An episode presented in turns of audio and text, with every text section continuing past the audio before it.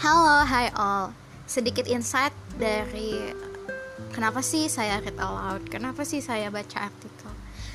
Itu bukan berarti saya sudah lebih baik dari uh, dari siapa pun, karena itu sebagai reminder for myself dan juga sebagai salah satu salah satu sarana agar bisa be better than before.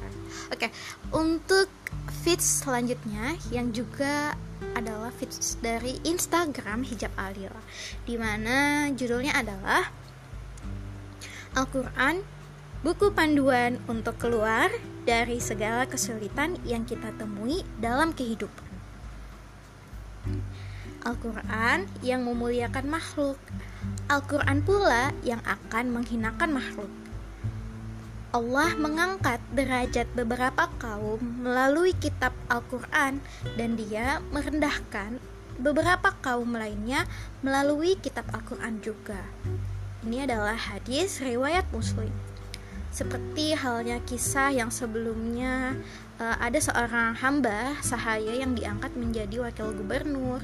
Lalu juga ada juga ya uh, kisah pada zaman now ini yaitu seperti kisah pemulung yang diangkat menjadi anak Syekh Ali Jaber karena kecintaan atau kedekatannya pada Al-Quran.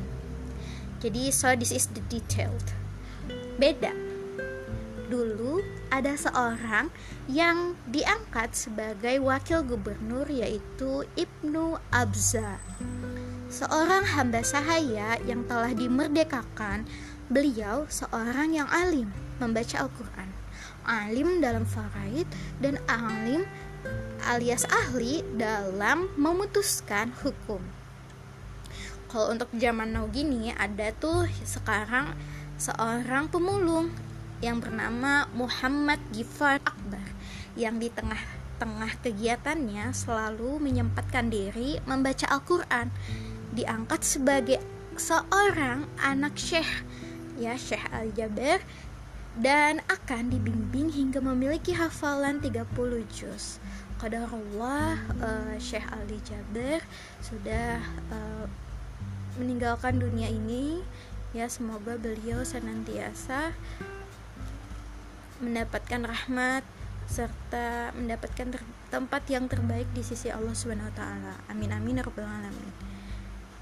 Lalu juga nenek dan kakeknya si Muhammad Gifari Akbar ini juga selalu berpesan untuk jangan pernah meninggalkan sholat sama. Sebab Allah muliakan keduanya dengan Al-Quran. Karena Al-Quran sungguh mudah bagi Allah untuk memuliakan manusia dengan Al-Quran. Syaidina Umar radhiyallahu anhu berkata Rasulullah Shallallahu Alaihi Wasallam bersabda, sesungguhnya Allah mengangkat derajat seseorang dengan Al-Quran dan melalui Al-Quran pula Allah merendahkan derajat banyak orang, yakni orang yang tidak memperdulikan Al-Quran.